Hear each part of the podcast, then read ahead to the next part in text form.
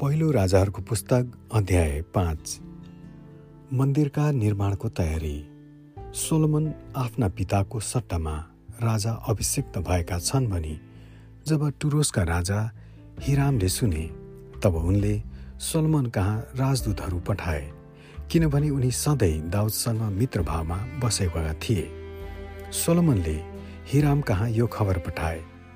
तपाईँलाई थाहा छ कि मेरा पिता दाउदको विरुद्धमा चारैतिरबाट लडाइँहरू भएकाले परमप्रभुले उहाँका शत्रुहरूलाई खुट्टा मुनि नपारुन्जेल। परमप्रभु उहाँका परमेश्वरका नाउँको निम्ति उहाँले एउटा मन्दिर बनाउन सक्नु भएन तर अब परमप्रभु मेरा परमेश्वरले मलाई चारैतिर विश्राम दिनुभएको छ र मेरो विरोधी अथवा विपत्ति छैन।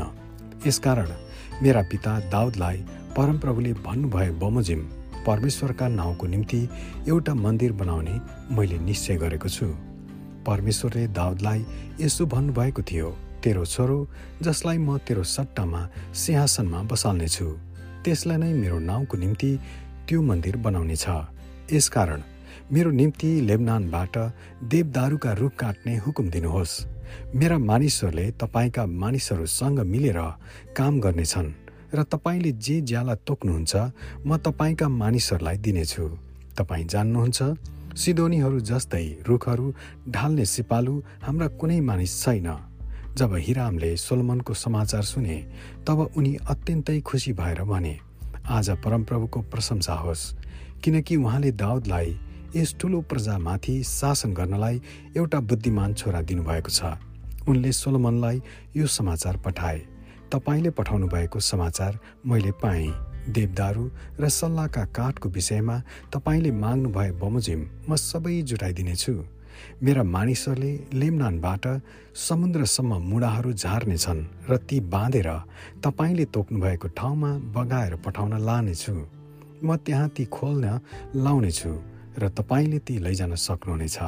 अनि मेरा राजकीय घरानाको निम्ति तपाईँले खानेकुरा जुटाइदिएर तपाईँले मेरो इच्छा पुरा गरिदिनुहोस्।